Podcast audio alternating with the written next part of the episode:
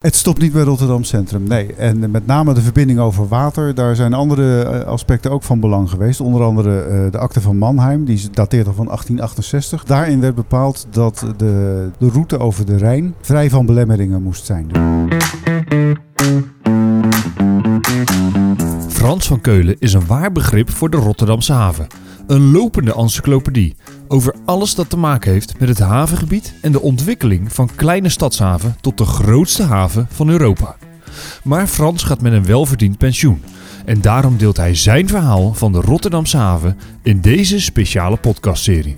Ga mee op ontdekkingsreis door de haven.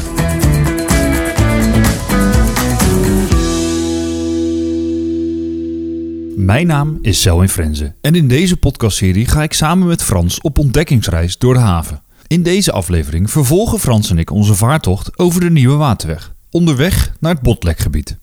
Maar voor we daar zijn, neemt Frans me nog iets verder mee in de geschiedenis van de haven aan de hand van een aantal bijzondere boeken. Ja, als je, als je bezig bent met, uh, met het vertellen van het, het, grote verhaal van de haven, ja. dan moet je gevoed worden door uh, informatie die anderen al bedacht hebben en opgeschreven hebben. Want zelf weet je dat allemaal niet. Dus je moet de geschiedenisboeken een beetje in, induiken. Uh, maar er zijn ook mensen die hebben specifiek boeken geschreven over de haven van Rotterdam. Ja. Uh, maar er zijn ook collega's die zijn bezig geweest met een soort beschrijving van de haven van Rotterdam. En een van die publicaties is een, is een prachtig overzicht. En dat heet Van poldergebied tot wereldhaven. Een geografische transformatie in anderhalve eeuw.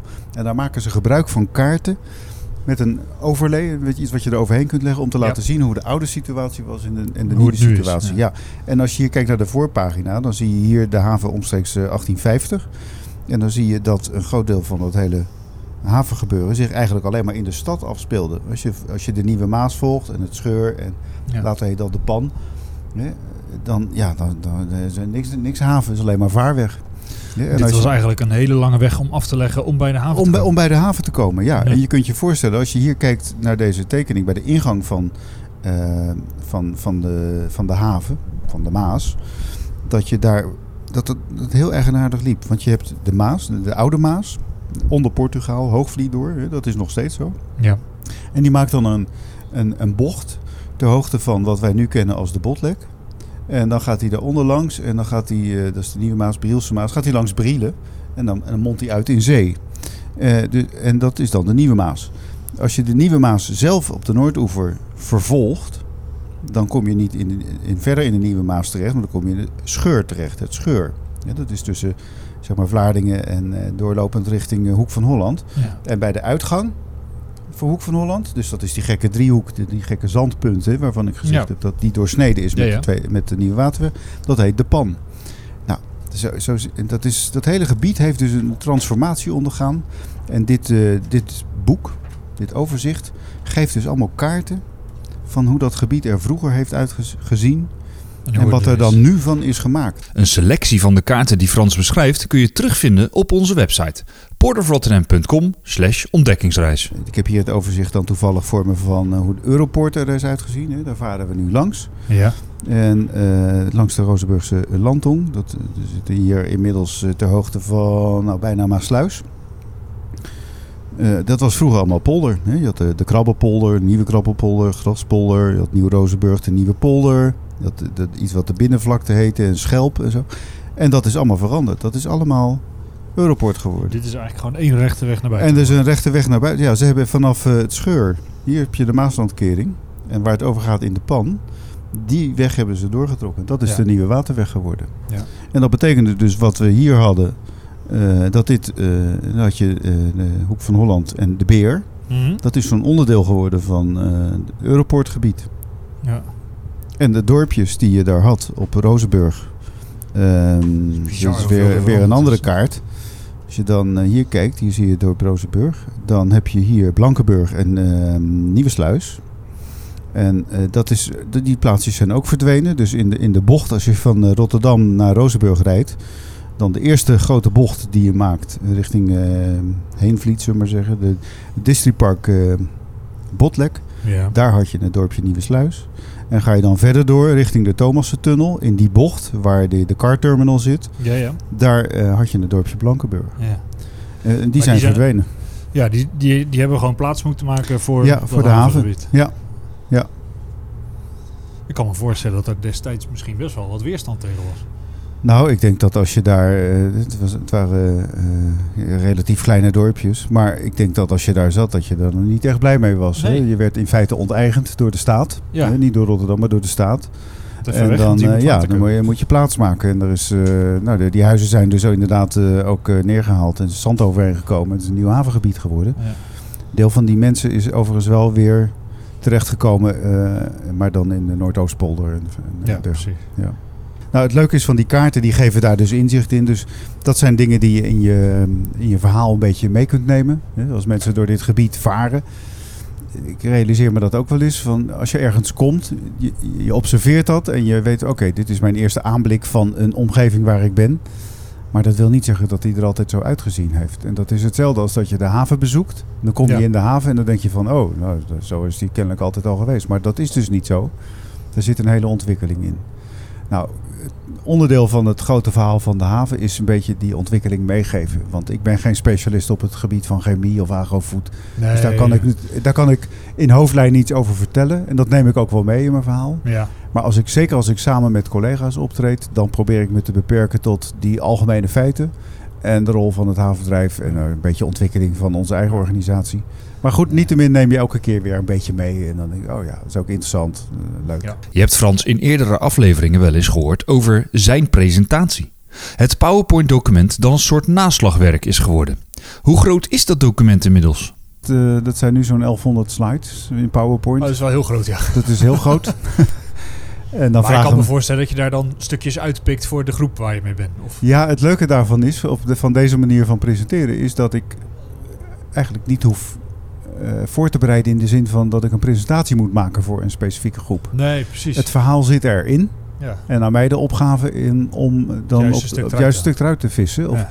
ja. of op willekeurige vragen die je krijgt, dan ook eh, de mogelijkheid te hebben om naar dat specifieke onderwerp te gaan. Dus Ja. de presentatie die ik heb is zo breed, gaat over heel veel onderwerpen. Eh, en wa- waar je wel mee begint is een, be- is een bepaalde start. Hè. Je, je leert natuurlijk wel een beetje van, oké, als ik hiermee begin of daarmee, dan geef ik ook een beetje richting aan het, aan het gesprek, aan wat er gaat Ja. gebeuren. Ja, ja. Maar als mensen ineens een vraag hebben over, ja, moet er, moet er gebaggerd worden? Die, dus die vragen kunnen dus gewoon maar lukraak op je afgevuurd worden. Het maakt niet uit voor- waarvoor ze soms komen. En dan ineens, van, moet er gebaggerd worden? Ja, er eh, moet gebaggerd worden. En dan eh, zeg ik van, nou ja, wilt u daar iets over weten of zien? Hoe we dat dan doen en zo? Nou, dan klik ik op dat onderwerp en dan weet ik van waar ik baggeren moet vinden. En binnen drie klikken heb ik plaatjes over baggeren. En Ja. als ze dan weer terug willen, dan heb ik ook het nummer onthouden van de sheet waar ik van vandaag. Ja. En dan klik, tik ik dat nummer en druk op enter. En dan ben En ik weer weer waar ik was. En dan, als je dat vier keer doet, dan gaan mensen zitten zo echt zo te kijken van, nou, Ja, je, kan, je, kan, hier ook alles vragen.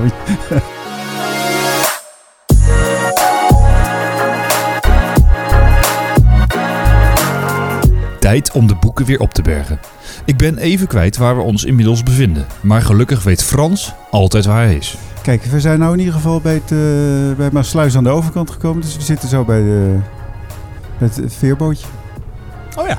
Het is echt heel leuk hoor, als je daar door, het oude centrum loopt. Dat is een heel Ja. leuk plekje. Ja. Er liggen ook allemaal oude sleepboten en zo. Hè. Je ziet ze hier al liggen bij de ingang. Ja, maar ja. daarachter hebben we nog meer van dat eh, oude, overigens nog welvarende materiaal. Dat is een hele actieve vereniging. Het zijn ook best flinke. Ja, de, de Elbe bijvoorbeeld is een echte zeesleper. Ja. Wat is nou iets wat je altijd bij zal blijven als je dadelijk, terug, dadelijk echt met pensioen bent en terug gaat denken aan het havenbedrijf? Wat, wat ik altijd heel erg interessant heb gevonden aan het havenbedrijf en het werken bij het havenbedrijf, is dat je daar zo'n fantastische mix ziet van eh, denken, maar ook doen. Ja. Eh, er wordt heel veel nagedacht over de toekomst van zo'n haven. Maar er wordt ook elke dag weer gewerkt aan het eh, veilig houden van die haven. Dus Ja. eh, op- allerlei niveaus zie je dat binnen dat havenbedrijf gewerkt wordt aan de toekomst van die haven, aan het, eh, het- het vasthouden van de positie die je hebt, maar ook voor het zorgen van de dagelijkse veiligheid van het scheepvaartverkeer, toezicht daarop. En die combinatie van doen, oh, allerlei praktische zaken, zorgen dat die haven vandaag draait. Ja. Eh, en maar er ook eh, aan werken dat die in de toekomst eh, nog, nog goed functioneert en bijdraagt aan ons aller bruto nationaal product en werkgelegenheid. Ja. En, en die, die, die drive, die heeft er altijd gezeten. Dat heeft me altijd gefascineerd. Want dat is wat dat havenbedrijf doet. Het is niet alleen maar een beheerder van een stuk land. En oké, nou, die, die havenbekkers moeten op diepte. En, eh, weet je, het, dan, dan klinkt het heel makkelijk. Dat is Ja. het niet. Er moet echt Er hard aan gewerkt worden. Er moet veel meer aan gedaan worden. En eh, het, eh, en dat, dat vind ik altijd wel heel fascinerend van de organisatie als, eh, als het havenbedrijf. Ik denk niet dat er heel veel vergelijkbare organisaties in Nederland zijn die dat eh, op die schaal, op die manier ook doen en uitdragen en mee bezig zijn. Zoals Frans aan het begin van onze reis al zei, varen we als het ware terug in de tijd richting het centrum van Rotterdam. In welk jaartal varen we nu? Eh, nou ja, dit is Rozenburg, dus dan heb je het over de ontwikkeling van het eh, Europoortgebied. Maar eh, dit is ook het slotstuk van, eh, van het Botlekgebied. En daar varen we langzaam eh, naartoe. En het Botlekgebied is eh, te kenmerken als de eerste grote havenuitbreiding na de Tweede Wereldoorlog. Oké. En daar vinden we de start van eh, Rotterdam echt op grote schaal als een petrochemische haven. Ja. En onderweg naar de grootste haven van de wereld. En onderweg naar de grootste haven van de wereld. Ja, Ja. klopt. Het is een eh, ontwikkeling die een aantal jaren heeft geduurd voordat je zover was. Maar eh, de aanzet van de aanleg van de botlek, vervolgens eh, de Europoort, eh, het, het, het kunnen handelen van die enorme grote schepen, dus de diepgang daarvan. Eh, en de verbindingen naar het achterland. Hè. Laten we dat niet eh, vergeten, want we hebben Ja. het over de aanleg van eh, de nieuwe waterweg als, Ja. als belangrijke ontwikkeling voor, Ja, het, voor stopt, Rotterdam. het stopt niet bij Rotterdam Centrum. Het stopt niet bij Rotterdam Centrum, nee. En met name de verbinding over water, daar zijn andere aspecten ook van belang geweest. Onder andere de akte van Mannheim, die dateert al van 1868. Dus nog voordat de nieuwe waterweg geopend werd, was dat, was dat al een belangrijk verdrag. Want daarin werd bepaald dat de, de scheepvaartverbindingen of de, de route over de Rijn... eh, vrij van belemmeringen moest zijn. Dus dat betekende dat als je bruggen bouwde, dat die dan hoog genoeg waren of open moesten kunnen. In ieder geval zodanig dat het, het eh, vrachtverkeer over de Rijn, of scheepvaart over de Rijn, ongehinderd doorgang kon vinden. Ja. En eh, als stel voor dat dat niet gebeurd zou zijn, dus dat je dat in Nederland wel gerealiseerd had, maar als je Duitsland binnenkwam varen, dat je, nou ja, het, het eerste beste brug eh, Ja, was de klaar. eerste Ja. belemmering klaar. Dan had je die verbinding niet. Dus het, dat is al wel betekenisvol dat je in, in die periode, 1868... eh, we hadden zelfs pas 20 jaar onze, onze grondwet. Hè. het is allemaal in perspectief. Dat je dan al zo'n internationaal verdrag hebt. Ja. Waar eh, je bepaalt dat die, die handels... Het is in feite een soort handelsovereenkomst. Dat je dat eh, organiseert en regelt. En dat heeft gemaakt dat Rotterdam onder andere daardoor... en die nieuwe waterweg... die positie heeft gekregen voor die achterlandverbinding naar Duitsland toe. Ja. Ja, ehm, of dat altijd nu nog de, de beste bruggen zijn... of dat je die opnieuw zo zou bouwen... dat is natuurlijk een andere vraag. Ja. Maar feit is wel dat als we de Rijn opgaan... dat we tot Basel kunnen doorvaren. ja, zonder probleem. En zonder eh, problemen, behalve als het heel laag water is. Maar daar kan de akte niks aan doen. De akte van Mannheim. Een zeer belangrijke akte voor de Rotterdamse haven dus. Wil je meer weten over de akte van Mannheim? Neem dan een kijkje op onze website portofrotterdam.com ontdekkingsreis. Naast de verbindingen over water zijn ook de verbindingen over land van groot belang voor het succes van de Rotterdamse haven. We varen nu over de plek waar de nieuwe Blankenburg-tunnel zal komen. Officieel de Maas-Delta-tunnel genoemd. Ja, de, ja, nou ja, naast de, de binnenvaart... die dus voor een groot deel... eh, zeg maar, een groot aandeel heeft in de, in de verbinding naar het achterland... en de afvoer van, en aanvoer van goederen... Ja. gaat natuurlijk ook het nodige nog over de weg. Nou ja, dat betekent ook continu aanpassing van die infrastructuur. Ja, ja. Eh, dat is bij de aanleg van de Tweede Maasvlakte is eh, een deel van de A15 verbreed en een rijbanen toegevoegd. En eh, ja, dat, dat goede, goederenvervoer over de weg, daar, ja, dat is nog steeds heel erg belangrijk. Dat zal ook niet zo snel veranderen. Dus dat betekent dat je daar, om dat goed door te laten lopen, die bereikbaarheid van die haven moet eh, blijven verbeteren. ja. Nou, en een van de nieuwe verbindingen die we daarin gaan krijgen is deze Blankenburg-verbinding. ja. Ja, dus de, de Maas-Holland, eh, eh, nee, de Maas-Delta-tunnel die hier gebouwd wordt. ja. Want we, voor, voor de beeldvorming, wat gaat deze verbinden? Die gaat de A15 met de A20-verbindingen. Dus vanaf Rozenburg, Ja. dan krijg je een rechtdoorgaande weg. Dus in plaats van dat je de bocht neemt naar de Thomassen-tunnel, kan je dan, dan straks eh, rechtdoor. Dan ga je door de tunnel en dan ga je richting, eh, nou tussen Vlaardingen en Maasluis door, is, die, is de verbinding naar de A20 eh, aangelegd. Gedeeltelijk ook verdiept. En daar zijn ze hier nu mee bezig. Dus dat schijnt ook weer een staaltje Hollands vernuft te zijn. Met twee tunneldelen die dan weer naar elkaar toe komen. naar elkaar toe komen, afgezonken worden en zo. Ja. En ondertussen moet het scheepvaartverkeer zoveel als mogelijk doorgaan. Nou, ga het maar eens organiseren. Ja. Ja, en eh, we hebben ook nog het spoor natuurlijk. Want recent nog het uh, Theemswegtracé. Ja, dat klopt. Ehm, Ook weer een stukje vernuft. ja, ja dat, is, dat is het ook. Want dat, is, eh, dat was een bijzonder tracé. Omdat dat ook dwars door een gebied gaat waar chemische industrie zit. En allemaal leidingen lopen. En Ja. pijpleidingen en dergelijke.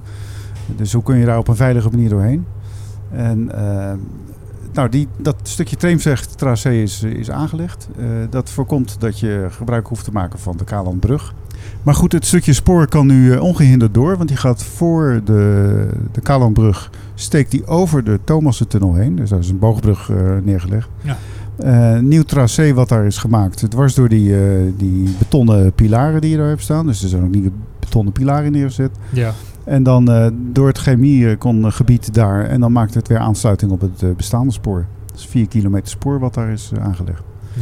Nou, dat is echt succesvol. Eh, we hebben het ook echt hard nodig. Eh, gemiddeld gaan er zo'n 100 treinen per dag overheen. Dus dan wil je niet belemmerd worden door bruggen en eh, dat soort zaken. Wat geldt voor het binnenvaart, zou je zo kunnen zeggen, zou je eigenlijk voor al die vormen Ja, van vervoer precies. Ja, ja. Ja. ongehinderd door kan.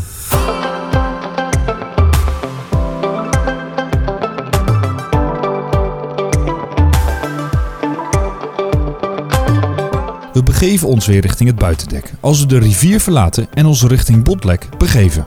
We varen eh, het Botlekgebied in. Oké. En op de centrale gul daarvan. Ja. En die heet ook Botlek. Ik weet niet of je de oude kaart nog eh, een beetje voor de geest haalt. Maar eh, je had dan de, de overgang van de oude Maas met een radebocht naar de... Ja, Maar ja de er lag een soort, wat ja, leek op een eilandje nou, of zo. Dat Dat, dat water, dat heet Botlek. Oké. En dat had dus vroeger een verbinding verder naar de Maas. Ja. Eh, maar dat is, dat is ook helemaal weer op de schop genomen. Dit gebied, de Botlek, is, eh, is eh, ingericht, gemaakt ook. Dat was ook poldergebied.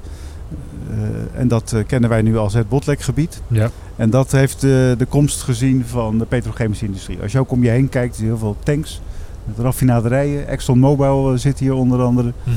En, ehm, maar hier heeft ook scheepsbouw gezeten. De werf van Verolmen. Oké. Later Ik zie het wel nog ja, staan. Ja, ja, je ziet, eh, ja, het staat er nog, hè? Ja. En het is ook nog steeds eh, scheepsreparatie en onderhoud. Geen nieuwbouw meer. Dat hebben we hier vroeger wel gehad. Bij Van Olmen, daar hebben ze ook uh, mammoetankers gebouwd nog. Ik heb ooit nog eens een keer, toen ik... ik heb dat laatst eens uitgerekend. Toen was ik 12 jaar. Toen ben ik met een groepje mensen... ik woonde toen in Rijswijk. Ben ik hier naartoe gefietst aan de overkant. En hebben we de, de waterlating van de SO Cambria gezien. Dat was toen een schip van 250.000 ton. Oké. Dat was echt een enorm ding wat op het water dreef. Ja. Dat is wel heel leuk. En die is hier gebouwd bij, bij Verholm. En hoe, hoe gaat zo'n te waterlating dan? Laten ze hem gewoon vallen in het water of ging dat heel geleidelijk? Nee, de- dat ding is op een, eh, op een helling gebouwd, een scheepshelling gebouwd. Ja. En dan ligt hij op blokken en, dan, eh, en op een soort rails. Ik, ik durf niet helemaal te zeggen hoe dat gaat.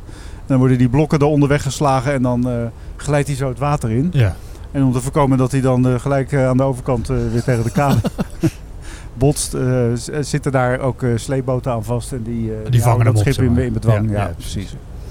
Maar je ziet, eh in de, hier heb je nou een aantal dokken nog. En daar liggen die schepen dan in. En die worden hier dan of verbouwd. Dat kan ook. Hè. Ik heb hier wel eens een bulk carrier gezien. En dat werd later een kabellegger. Oké. Dus dan wordt dat schip weer helemaal opnieuw opgebouwd. Ja. Dus eh, nou, deze centrale gul, de- die, die kon je dus verder... eh, de- als je nu aan het einde vaart, dan loopt het dood. Maar Ja. vroeger kon je dus, dan ging je verder op de Maas. Ja. Maar je ziet eh, om je heen eh, allemaal tanks. En, eh, en, fabrieken. En ja. dus hier zit heel veel eh, chemie, petrochemie. Ja. En hiervoor worden dus allerlei brandstoffen en producten van raffinage worden eh, hier opgeslagen. En verder getransporteerd. Je ziet hier ook in eh, deze haven ook allemaal heel veel binnenvaart. Binnentanker, binnenvaarttankers. Ja, die waarschijnlijk gewoon alle brandstoffen naar het achterland brengen. en naar Limburg. ja, en, eh, precies. Ja, er is wel een heel uitgebreid eh, leidingnet van, eh, van, van pijpleidingen in Noordwest-Europa. Ja. Die verbindt havens met industrie. Of havens met andere havens met industrie. En daar gaat heel veel ruwe olie bijvoorbeeld doorheen. Daar gaat heel veel naar Duitsland, daar gaat heel veel naar Antwerpen. Ja. Maar ook olieproducten. En vliegtuigbrandstoffen bijvoorbeeld. Hè, vanuit Rotterdam naar Schiphol, naar, naar Frankfurt, naar Ja. Zaventem. Dus eh, ja, zo'n haven is meer dan alleen maar een plek waar schepen arriveren. Het is ook een groot industrieel complex. En die industrie heeft ook weer allerlei vertakkingen naar eh, locaties in Nederland en daarbuiten. Ja. En dat geeft een haven een, ook wel een bijzondere positie. Anders dan alleen maar op een overslag van de producten. Is het ook een industriële omgeving geworden. In de volgende aflevering van Op Ontdekkingsreis door de haven. Dan gaat niet dat alleen het schip en de lading verloren, maar ook de bemanning. En om dat te voorkomen heeft meneer Plimsoll iets bedacht. Waardoor je dus kunt kijken naar waar ben ik op deze aarde. Ja. En tot hoever mag ik hier laden om op een andere plek veilig te kunnen varen. Wil je meer weten over de haven en de plekken die Frans en ik bezoeken tijdens onze reis? Neem dan een kijkje op portofrotterdam.com slash ontdekkingsreis. Bedankt voor het luisteren en graag tot de volgende aflevering. Als we onze ontdekkingsreis door de Rotterdamse haven vervolgen.